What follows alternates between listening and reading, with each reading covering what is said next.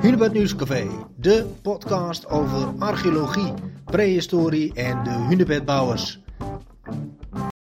Vandaag spreek ik met Karsten Wenting, archeoloog en uitgever. Bekend geworden uh, na zijn onderzoek over de Neolithische bijlen hier in Drenthe, uh, maar ook mede-eigenaar van Sidestone Press, uh, een prachtige uitgeverij die zich inzet om de informatie, de archeologische informatie, zo breed mogelijk te delen en ja, het hele verhaal erachter gaan we nu horen.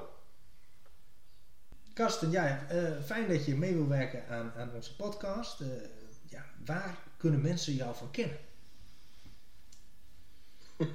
Gewoon radio en televisie natuurlijk. Nee, ja. Um, nou ja, ik was uh, een poos geleden, dat, dat zijn ja, bijna twintig jaar geleden al. Mm -hmm. wat is, nee, vijf, vijf, vijftien jaar geleden. Toen was ik vaak te gast in Drenthe. Ja. Toen was ik bij mijn, uh, met mijn masteronderzoek bezig naar de, de uh, ceremoniële THB vuurstenen bijlen die uh, bij jullie in de achtertuinen her en der gedeponeerd lagen. Ja, en die vooral nu opgeslagen liggen in het Drents Museum in, in Assen natuurlijk. Ja, klopt. Ja. En daar, daar deed ik mijn, mijn afstudeeronderzoek naar. Ja, dus, dus naar Neolithische bijlen en naar ja, de, de ceremonies daarom omheen.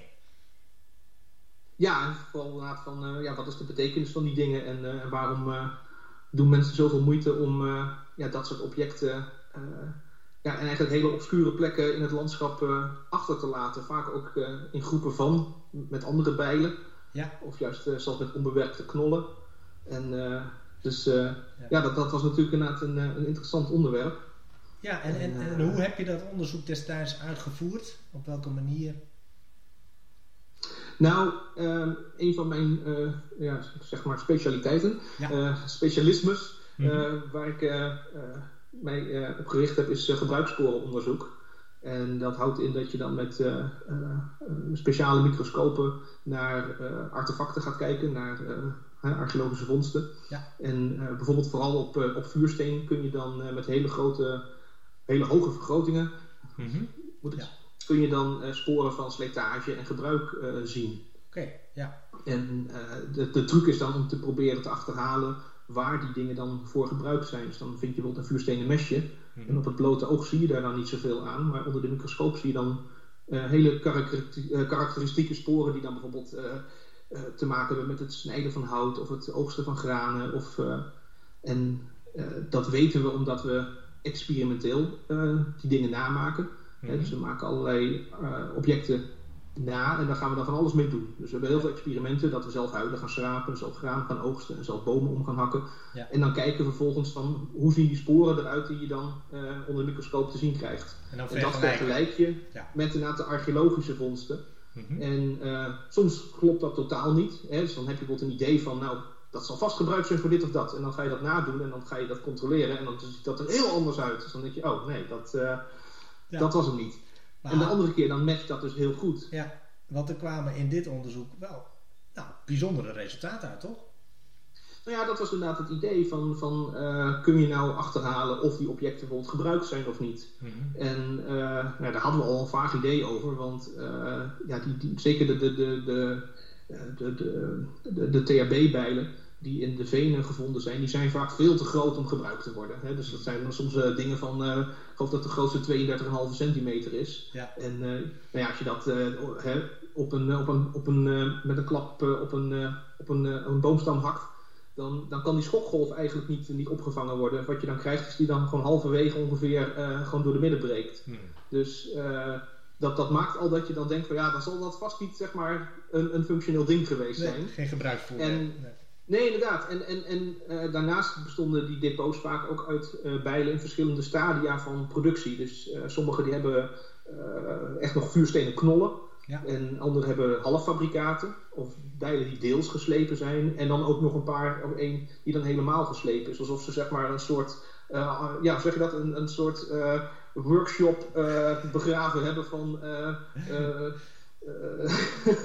Zo moet je dat doen. Van alle verschillende ja. fases van het uh, ja, soort, soort onderwijsset, zeg Ja, ja, ja, precies, precies. Ja, ja, dus eigenlijk een beetje kom je dan uh, meer op een soort ja, ritueel gebruik uit. Als het, niet, als het geen gebruiksvoorwerpen zijn, toch?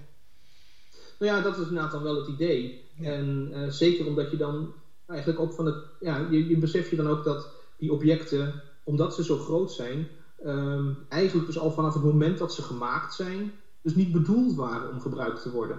En nou ja, het, uh, dat is op zich een hypothese en, en dat, dat ga je dan testen. Mhm. Dus we gaan heel gedegen iedere bel die we in handen konden krijgen onder de microscoop leggen om te kijken van zie je daar sporen van gebruik op.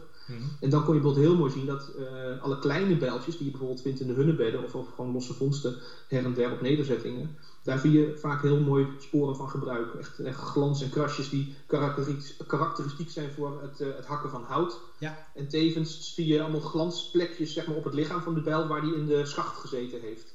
En dat je echt ziet, nou, dit is een gebruikte bijl. Mhm. En uh, nou, die, die dingen zijn dus allemaal compleet afwezig op die, uh, die overgrote depotbijlen. Mm ja. Dus dan zie je al van ja, oké, die hebben ook echt een ander gebruik gehad. En uh, wat we vooral zagen was dat het heel grappig was dat je zag op de, de hogere delen van dat, uh, zeker van de, de ongepolijste bijlen, en dan zie je er nog alle afslagnegatieven en daar zitten natuurlijk uh, rondom allemaal van die ribben en uitstekende riggeltjes en ribjes. Ja. Ja. Dat die dus wel over het hele lichaam van zo'n bijl, uh, dus niet alleen aan de snede, maar gewoon over het hele oppervlak, mm -hmm. op alle uitstekende delen, dat die heel mooi afgerond waren en een mooie glans lieten zien. Mm. Dus uh, die hebben wel een contact gehad met een materiaal, wat dus die hele bijl omvat heeft gehad. En, en dan ga je dus denken van oké, okay, ja, hoe moeten we ons dat voorstellen? Ja. En toen kwam ik eigenlijk op het idee um, op basis van wat je bijvoorbeeld in Nieuw-Guinea ziet, daar zie je bijvoorbeeld dat uh, sacrale voorwerpen, heilige voorwerpen, hè, ceremoniële voorwerpen, ja. die worden vaak ingepakt. Want ja, als jij een bijzonder ding hebt, een, een, een, een, een heilig object, dan leg je dat niet zomaar ergens neer. Dus dan wikkel je dat bijvoorbeeld in een bepaald materiaal in. Mm -hmm. En dan alleen op speciale gelegenheden, uh, weet je wat, met volle maan of uh, als er iemand gaat trouwen, of bij een ja. begrafenis, of uh, als de grote oeroboerengeest vereerd moet worden, of god ja. weet wat, ja. dan wordt dat ding uitgepakt. En dan, het, maar dan dat, het hele uitpakken van zo'n object is dan onderdeel van zo'n ceremonie. Van het iets wat verborgen is, zichtbaar maken voor de groep die dat dan mag zien. Of dat dan iedereen is, of een groep ingewijden, dat weet je natuurlijk niet. Maar nee. dat is iets wat je ja, in, in, in culturen wereldwijd ziet dat dat gebeurt. En ik bedoel, dat gebeurt zelfs uh, bij ons in de katholieke kerk. Uh, de reliquieën liggen netjes keurig opgesloten ja. in, een, in een doosje. En dan op uh, de, de, de, de, naamdag van de heilige, dan worden die dingen tevoorschijn getoverd en dan in optocht door de stad gedragen. Ja. dus het is een heel menselijk iets. En um, het lijkt erop dus dat die THB-depotbijlen, mm -hmm. dus die dingen die in venen gevonden zijn, dat die dus op eenzelfde soort manier uh, gebruikt zijn. Okay. En daarnaast vond je dus ook uh, allemaal kleine plekjes met rode smurrie op uh, het oppervlak van die bijlen.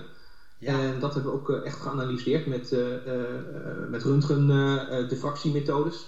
en want ja, op, die, op de door microscoop kun je het alleen zien, maar dan, dan zie je alleen dat het, ja, het is rood. Ja. Nou ja, wat is dat dan? Nou ja, dan hadden we natuurlijk al wel een beetje bedacht van dat zal vast oker zijn. Ja. Maar ja. dat moet je natuurlijk dan ook testen. Dus dan, nou ja, dan gooi je dat in een apparaat wat dat uh, kan meten met, uh, met uh, diffractie. Dus dan, dan gooi je de laser of de röntgenstralen op en die worden gebroken door de kristalstructuur van het materiaal waar die stralen doorheen gaan. En dan worden ze weer opgevangen. En dan kun je dus uh, achterhalen ja, wat de elementcompositie uh, is van uh, hetgeen wat nou ja, belazerd is, zou ik maar zeggen. Ja. En ja, daar kwam in dit geval dus ja, ijzer uit, hematiet. Want ja. oker, dat is hematiet, dat is een, een ijzeroxide. Mm -hmm. En het lijkt er dus op dat ze dus die dingen dus niet alleen ingepakt en dan steeds in en uitgepakt hebben. Maar dat ze dus ook die dingen ja, deels rood geschilderd hebben. En of dat dan het hele oppervlak is, of dat ze daar bijvoorbeeld bepaalde symbolen of, of figuren op getekend hebben, dat, dat, dat is niet meer te achterhalen. Want helaas zijn de meeste van die bijlen al uh, zo'n 100 jaar uh, uh, in circulatie in musea en privécollecties. En ja. het eerste wat iedereen altijd doet, is natuurlijk dingen eerst even goed afwassen. Ja. Ja, nee, dat, dat, daarna een jaar lang iedereen vastgehouden en in laadjes gelegd en eruit gehaald. En dus uh, ja, helaas, bij de meeste kon je daar alleen maar echt hele kleine stukjes nog van zien. En er was maar één bijl waar nog echt, waar je gewoon met het blote oog nog klodders uh, uh, rode verf kon zien, zeg maar. Ja, okay. en, dat was, ja. ja, dus maar, En dat was wel leuk, want dat zagen we dus ook later op Mhm. de, de, de knollen. Hè, dus na het, eh, eh, in bijvoorbeeld eh, een van de depots van één die in het Drents Museum ligt. Daar zijn eh, hè, dat een mooie rode eh Helgoland-bijl en een paar grijze bijlen die ook, ook van Helgoland vuursteen zijn, geloof ik.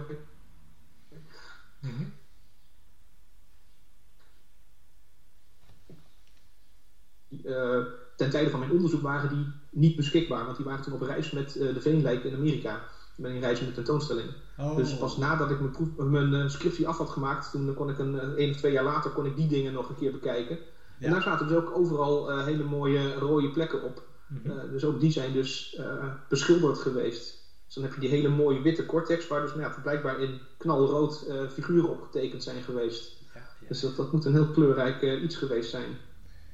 Ja, je bent dan bezig met een, ja, een onderzoek, daar komen resultaten uit, dat- daar, daar fabriceer je dan natuurlijk een scriptie, een verhaal omheen.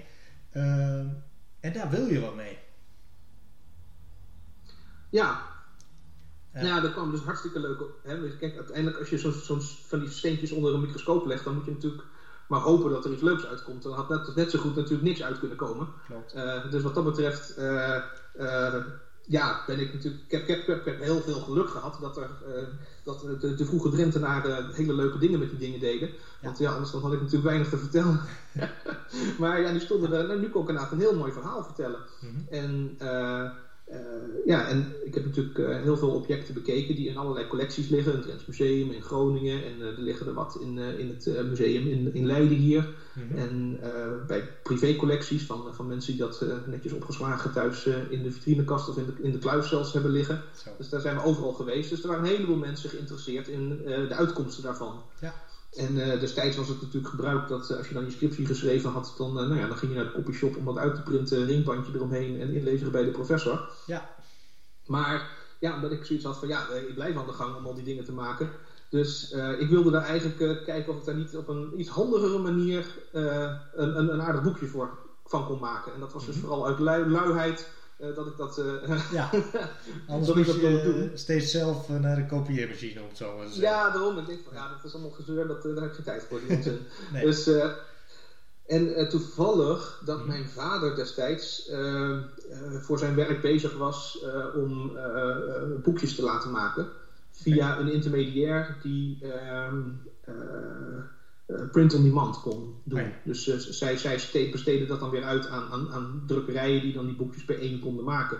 Ja. En eh, dus mijn vader zei van, oh, dan moet je dan even aan die en die vragen of die niet van jouw boekje ook even een paar kan printen. Mhm. Dus dat hadden we zo gedaan. En eh, ja, toen dacht ik van ja, dan moet het natuurlijk wel een beetje netjes uitzien. Dus eh, toevallig dat een, eh, een collega-student van mij, die kon een beetje indesignen. En dus die had me geholpen om dat een beetje netjes vorm te geven. En dat zag er heel professioneel uit. En oh, dat, Ja. dat, dat is leuk. Mhm. En dus nou, dat hebben we zo laten printen. En ja, toen kregen we gewoon een echt serieus paperback boek. En dat zag er gewoon uit als een, nou, een officieel boek. Ja.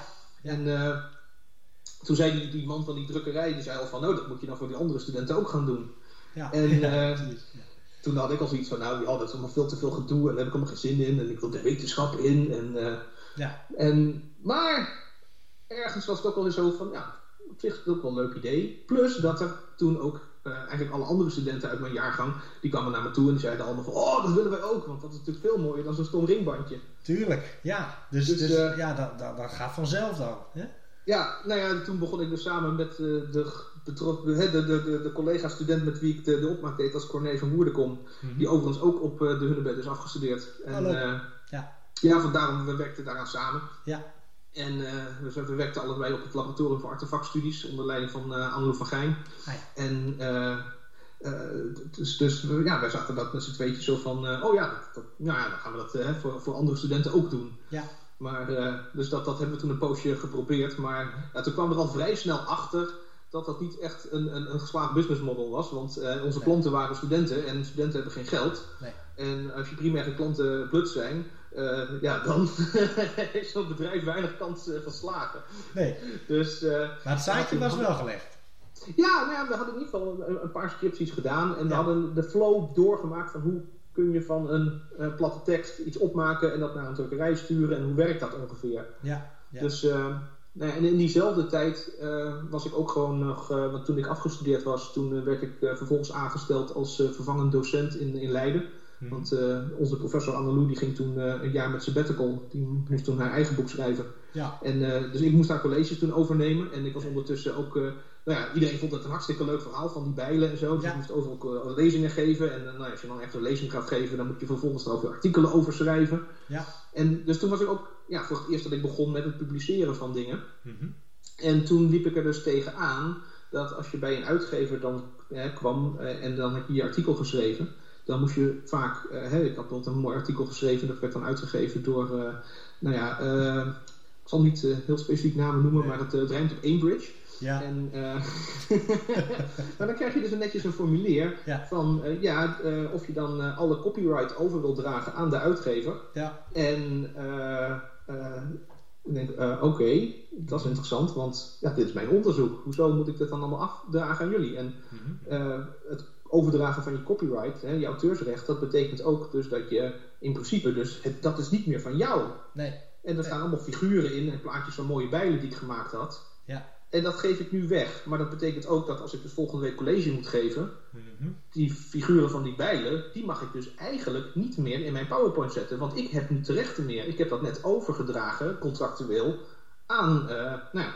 Cambridge. Ja. En ehm, ik denk, dat is best wel stom. Ja. En eh, ja, we zaten toen ook natuurlijk, eh, we, we verspreken over 2006, dus eh, het- internet was nog nou ja, op zich goed ge, ge, ge ontwikkeld, maar nog niet waar we nu zijn. Nee. En Zeker. het begon een beetje met het idee van nou ja, dat, dat steeds meer auteurs begonnen pdf's rond te sturen van, van hun werk en zo. Mhm. Maar ja, de uitgevers die wilden dat eigenlijk niet. Want die hadden zoiets van, ja, maar dan verkopen wij geen boeken meer. Want als het allemaal uh, gratis op het internet staat. Hè, dat, uh, ja, ja, en, uh, en, ja, en ik ben opgegroeid met, in, de, in de tijd van Napster. En, en yes. nou ja, ja. denk, ja, dat kan ik kopen, dat moet ik maar downloaden. Precies. En ja. ja, en dan kreeg ik van een andere uitgever kreeg ik dan bijvoorbeeld een, een digitale off-print. Hè, dus inderdaad, dan krijg je een, een, een pdfje van je artikel. Maar dan stond op pagina 1 van gezond dit niet verspreiden en zo. En dat is alleen voor privégebruik. En denk ja, allemaal ik wil dat gewoon naar collega's kunnen sturen. Ja. En, Eigenlijk uh, dacht jij vrij snel, dit kan beter, dit moet, moet beter. Ja, inderdaad. En, en, en toen zagen we zo van, ja oké, okay, dat, dat maken van scripties voor studenten, dat werkt niet echt. Maar uh, gewoon echte boeken maken voor wetenschappers, mm -hmm. daar zit op zich wel een mogelijkheid. Als je uh, een, een, een, wensenpakket, een lijstje van, van, van, van wensen zeg maar, die we als wetenschapper hebben, centraal gaan stellen. En, en dat hebben wij gedaan. Dus we hebben, we hebben gezegd van, nou, we gaan nou gewoon echt boeken maken voor, uh, niet voor de studenten, maar voor de professors. En ja. door de professors. Mm -hmm. En uh, waarbij we dan als uitgangspunt hebben dat uh, alle auteursrechten gewoon bij de auteur blijven. En wij krijgen gewoon een licentie om die boeken uit te geven. Zolang jullie dat goed vinden, doen we dat. En als jullie zeggen van nou, niet zo'n goed idee meer, dan Mhm. mm -hmm. stoppen we ermee. Ja. Ja. En daarnaast dat wij dus toestaan dat alle auteurs hun pdf's gratis mogen verspreiden. Dus als jij dat naar een collega wil sturen of gratis op je eigen website wil zetten, helemaal prima. Mm -hmm. ja. En dat we daarnaast ook uh, uh, gratis inzicht geven in alle boeken. Dus in principe kunnen alle boeken op onze website gewoon gratis door iedereen gelezen worden. Ja, omdat Want, je die uh, informatie wilt delen. Ja. Nou ja, dat was inderdaad een van de dingen die, waar ik tegenaan liep. En dat was best wel schokkerend. Hmm. Dat, um, ik was dan uitgenodigd om een lezing te komen geven in, uh, in Berlijn. Daar had je toen een, een, een heel, nou, niet elitair, maar een heel uh, prestigieus onderzoeksgroep zitten. Okay. Met heel veel geld. Ja. Dus uh, dan, uh, daar werd je dan uitgenodigd en uh, nou, dan mocht je komen. En die betaalde alles. Dus het vliegticket werd betaald en het hotel betaald. En nou, super. Ja. Dus, ik bedoel, ik was net student af. Dus, ja. Prima, goede deal. En, ja. ja, inderdaad. Hm. Dus ik vond dat wel spannend. Dus, dus nou, wij naar Berlijn. En nou, dus dan moest ik dan een lezing houden. En dat was een paar dagen. En allemaal hele interessante mensen hadden ze natuurlijk uitgenodigd. Die lui die hadden gewoon echt pakken geld. Dus die konden gewoon op een gegeven moment zeggen van... nou wie vinden we interessant, wie hebben leuke dingen gedaan, die halen we gewoon voor een, een paar dagen naar Berlijn om uh, ja, uh, uh, een lezing te laten houden en vooral daarna de kroeg in te gaan, zodat je met die mensen kan brainstormen en ja. ideeën kan bespreken, want dat is het belangrijkste wat je vaak doet. Ja. En er was ook een groep uit Oost-Europa, uit, uit Roemenië en Hongarije. En ja, daar heb je echt fantastische archeologie. Dus die lui die hadden echt lezingen met, met data wat ze aan presenteren waren, dat je gewoon ja, je bek viel open van holy shit, wat, wat voor coole shit hebben ze daar allemaal. Ja. En, uh, maar dan na afloop, dan gingen we met z'n allen de kroeg in, of het restaurant in, Mhm. met gratis eten en gratis drinken en hapjes en drankjes en uh, alles goed geregeld. Ja. Maar die lui die waren daar steeds niet bij. Oh. En ik zoiets van, nou, ik, ik bedoel, ik ken genoeg archeologen, maar ik ken geen archeologen die gratis bier afslaan doorgaans. Nee. En dus ik vroeg op een gegeven moment van, van waar, waar zijn die eigenlijk? Mhm. En toen vertelden ze van ja, nee, die zitten in de bibliotheek. Want die zijn dus nu als een gek hun tijd aan het benutten om ieder vrij uurtje boeken te kopiëren, artikelen te kopiëren. Want hun eigen universiteiten hebben geen geld om die te kopen. Oh, oké. Ja. En ik denk van, oké, we zitten hier niet uh, in donker Afrika. We zitten gewoon, dit is gewoon binnen Europa. Dus hmm. inderdaad, als je gewoon bij een normale uitgever een boek uitgeeft, betekent dat eigenlijk dat alleen van West-Europa, daar wordt het ontsloten. Ja. Noord-Amerika, West-Europa, misschien Japan. En de rest van de wereld, zelfs gewoon uh, het, uh, Oost-Europa, die hebben gewoon geen budget om die dingen te kopen.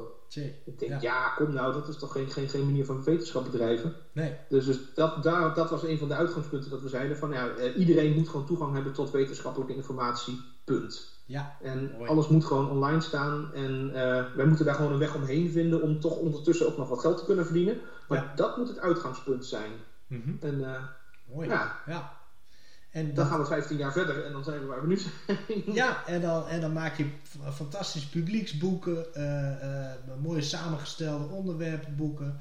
Uh, eigenlijk, ja, je kunt het zo gek niet bedenken, maar alles, alles wat professoren dus schrijven of, of, of, bedenken met elkaar, dat, dat geven jullie uiteindelijk vorm. Hè?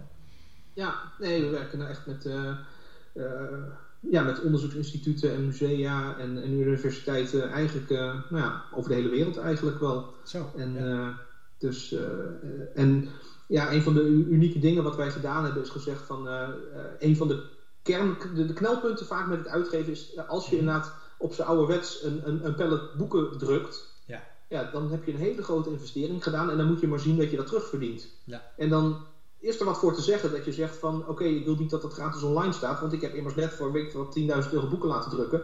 Ja. Dat moet ik eerst nog terugverdienen mm -hmm. om die te draaien. Ja. En uh, wat wij gedaan hebben gezegd van ja, voor al die wetenschappelijke boeken, de oplages liggen vaak toch niet zo hoog. Mm -hmm. Wij gaan die gewoon per stuk maken. Ja. En uh, via print on demand. En die kwaliteit daarvan, dat wordt beter en beter en beter. En zeker nu, ja. als je er met een loopje naar gaat kijken, dan kun je toch net onderscheiden van offset druk. Maar eigenlijk gewoon is het niet meer te zien. Nee. En uh, het voordeel daarvan is, is dat je dus uh, niet op dag 1 een hele grote oplage hoeft te maken. Nee. En wat wij gedaan hebben, is we hebben een, een netwerk opgezet met drukkerijen in, uh, in Nederland, Engeland, Duitsland en Amerika. Okay. En die kunnen allemaal op dezelfde kwaliteit onze boeken maken.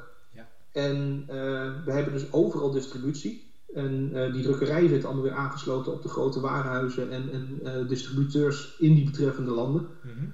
En uh, die kunnen dus inderdaad de hele wereldwijde markt in principe bedienen. Zo. Zonder dat we eigenlijk voorraad hebben. We hebben er vaak maar één of twee op voorraad liggen van iedere titel, zodat Amazon ze binnen 24 uur kan krijgen. Ja. Uh, maar dan, zodra die ene verkocht is, dan wordt zeg maar de volgende dag wordt er weer een nieuwe gemaakt om de voorraad weer aan te vullen. Mm. En, maar dat betekent dus dat als je op Amazon.com een van onze boeken bestelt, dan is het in Amerika gemaakt. En als je het op uh, boekeren.de bestelt, dan is het in Duitsland gemaakt. Prachtig. Dus uh, het, het, scheelt ook nog weer in, uh, in CO2-emissies, want die hoeven dus niet de hele wereld overgevlogen te worden. Nee, ook nog eens. Dus we maken ze zo ja. dicht mogelijk bij waar ze gebruikt worden. Ja. Plus dat we nooit te veel maken. We maken wat nodig is. Ja. En ze zijn dus ook nooit op. Nee, mooi. Een heel mooi systeem en, en, en, en heel mooi om te horen ook wat daar de triggers voor zijn geweest en, en de dingen die je hebt gezien. Uh, maar voordat mensen denken dat je alleen nog maar uitgever bent, dat doe je, dit doe je ja. er eigenlijk een beetje bij, hè? Uh, nou, dit is wel mijn, mijn, hoofd, mijn hoofdmotor. Ja. Dus, uh, ja. Maar nee, zeker in het begin, ja, toen, ja, dat was ook wel weer grappig, want uh, van een, een, een, studentenscriptie ga je natuurlijk niet in één keer gewoon het, het magnum, magnum opus van, van een grote professor uitgeven. Nee. Dus wij, moesten laten zien dat we boeken konden maken. Tuurlijk. En ja. uh, toen hadden we iets van, ja, hoe gaan we dat nou doen? Want wie gaat nou een belangrijk mooi boek aan ons toevertrouwen? Want wij waren strikt genomen nog gewoon twee jongens op een studentenkamer. Mm -hmm. En ja. Uh, ik geloof dat we toen nog met MSN met elkaar verbonden waren, want uh, het college zat elders in de stad en dan ja. hadden we een gedeelde map en zo konden we dat dan een beetje ah, op een uh, ja. semi-legale versie van InDesign ja, konden we dat dan gaan maken.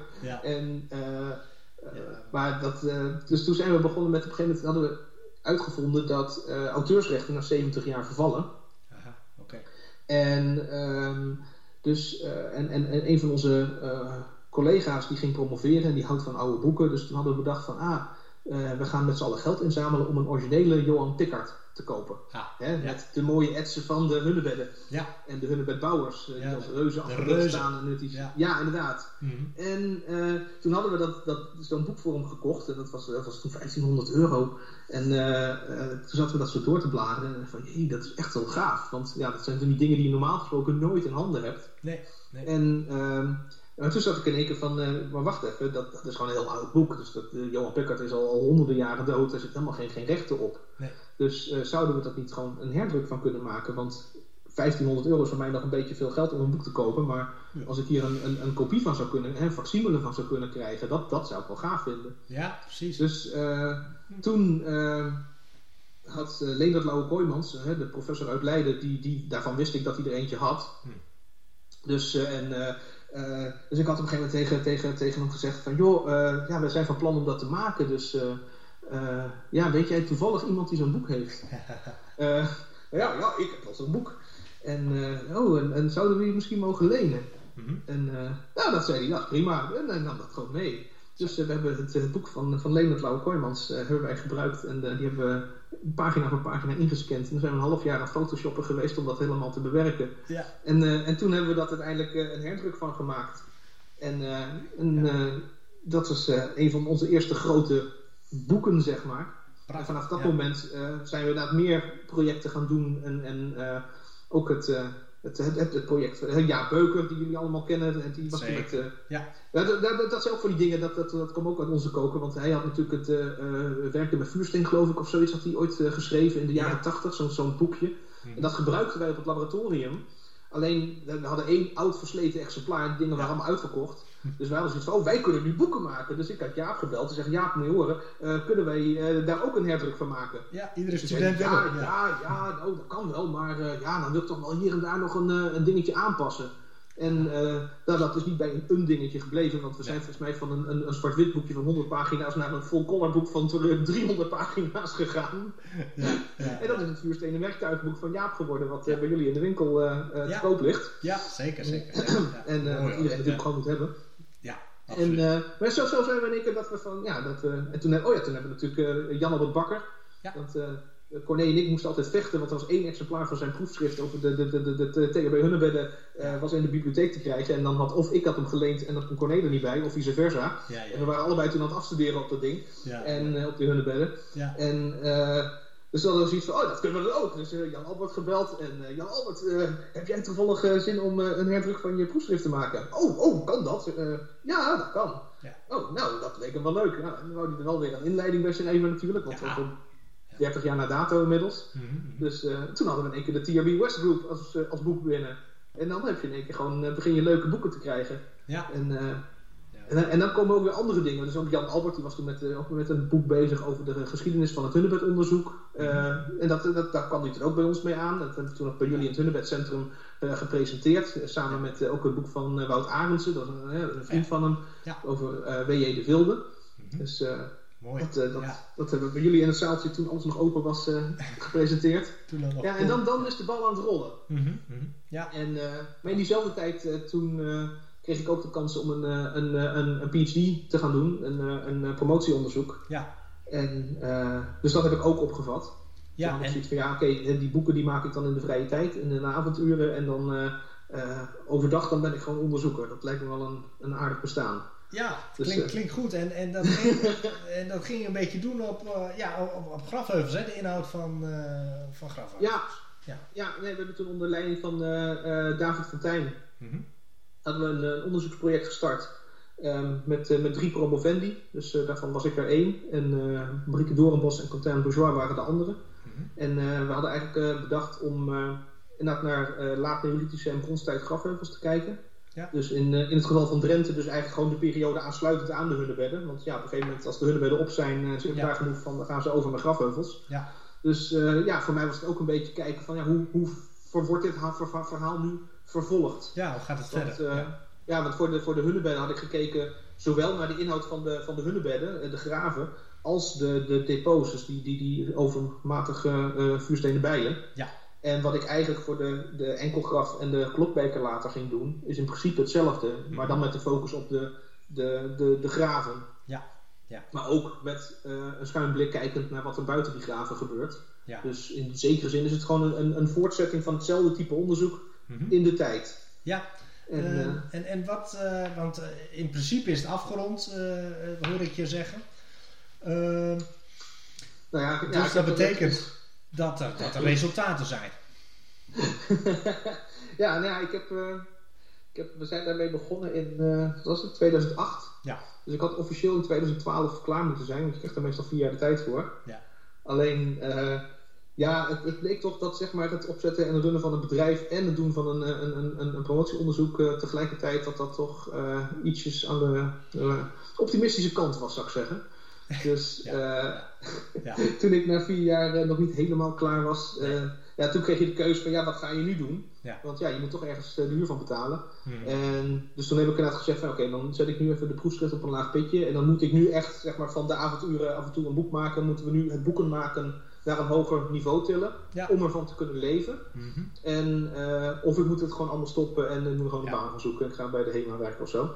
Maar eh, dus eh, ik heb toen een paar jaar dat we eigenlijk voornamelijk aan Sidestone hebben gewerkt om dat groot te krijgen. Ja. Totdat het dermate was dat ik mezelf weer een, eh, een, een, een één of twee dagen in de week vrij kon geven om weer verder aan mijn proefschrift te werken. Ja, mooi. En Mhm. dat heeft dus uiteindelijk, nou ja, het was niet de meest ideale route, Nee. maar het heeft ertoe geleid dat ik vorig jaar eh, van de zomer inderdaad uiteindelijk mijn, mijn proefschrift heb kunnen verdedigen. Ja. En dat het tot conclusie is gekomen. Ja.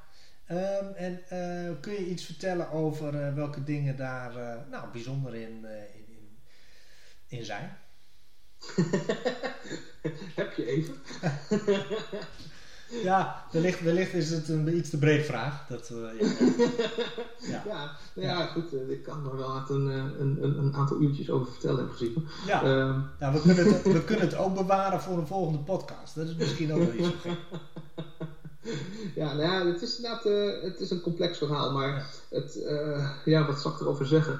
Ehm, nou, er zitten zoveel eh, ehm, eigenlijk eigenaardigheden aan, aan, Mhm. aan dat onderzoek. Ja. Ehm, eh, en zeker ook omdat het natuurlijk onderdeel is van een veel bredere discussie die op een gegeven moment op gang kwam. Want eh, ja, we, we, we, we- we wisten van Van Hunnebedden gaan ze aan grafheuvels bouwen. En dan heb je de enkelgrafcultuur en dan krijg je de klokbekercultuur. En dan gaan ze op een gegeven moment brons uitvinden. Maar ehm, een paar jaar geleden, en dat, dat zullen jullie vast al wel besproken hebben in, de, in, de, in de, het café. eh, hebben we namelijk ook al uitgevonden dat dus er in één keer hele migraties op gang Ja, komen. precies. En dat vooral die, die corded enkelgraf mensen dat dat dus eh, eigenlijk eh, ja, een influx is van, van steppenbewoners uit. Oekraïne. Ja. Die hier in één keer binnenkwamen. En, en, en. Dat, eh, ja, dat die dus inderdaad ook allerlei eh, gebruiken en culturen, eigen, culturele eigenschappen meenamen. Ja. Hè, waaronder waarschijnlijk ook de Indo-Europese talen. Klopt. En dat, ja. dat is dus inderdaad eh, ja, wel een kern geweest ook in de interpretatie van, van, van mijn onderzoek uiteindelijk. Mooi. En het, leuke was dat op basis van eigenlijk gewoon de archeologische data waar ik mee bezig was, ik al een, ja, een, een, een, een heel ja, aardig eh, idee had gevormd van hoe die dingen ongeveer gelopen moeten hebben. Ja. Maar dat toen op dat moment die, die, eh, die DNA-data nog niet beschikbaar was. En toen dat er later bij kwam, toen Ja. vielen in één keer steeds meer dingen op hun plek. Prachtig, hè? Ja.